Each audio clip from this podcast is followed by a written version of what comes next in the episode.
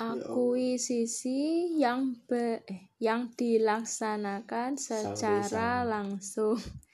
Misalkan perusahaan mengakuisisi membeli surat obligasi perusahaan yang akan diakuisisinya. Setelah jumlah surat obligasi yang terbeli menjadi signifikan, perusahaan mengakuisisi menawarkan kepada perusahaan penerbit surat obligasi atau hutang untuk melakukan konversi hutang surat obligasi dengan ekuitas atau saham.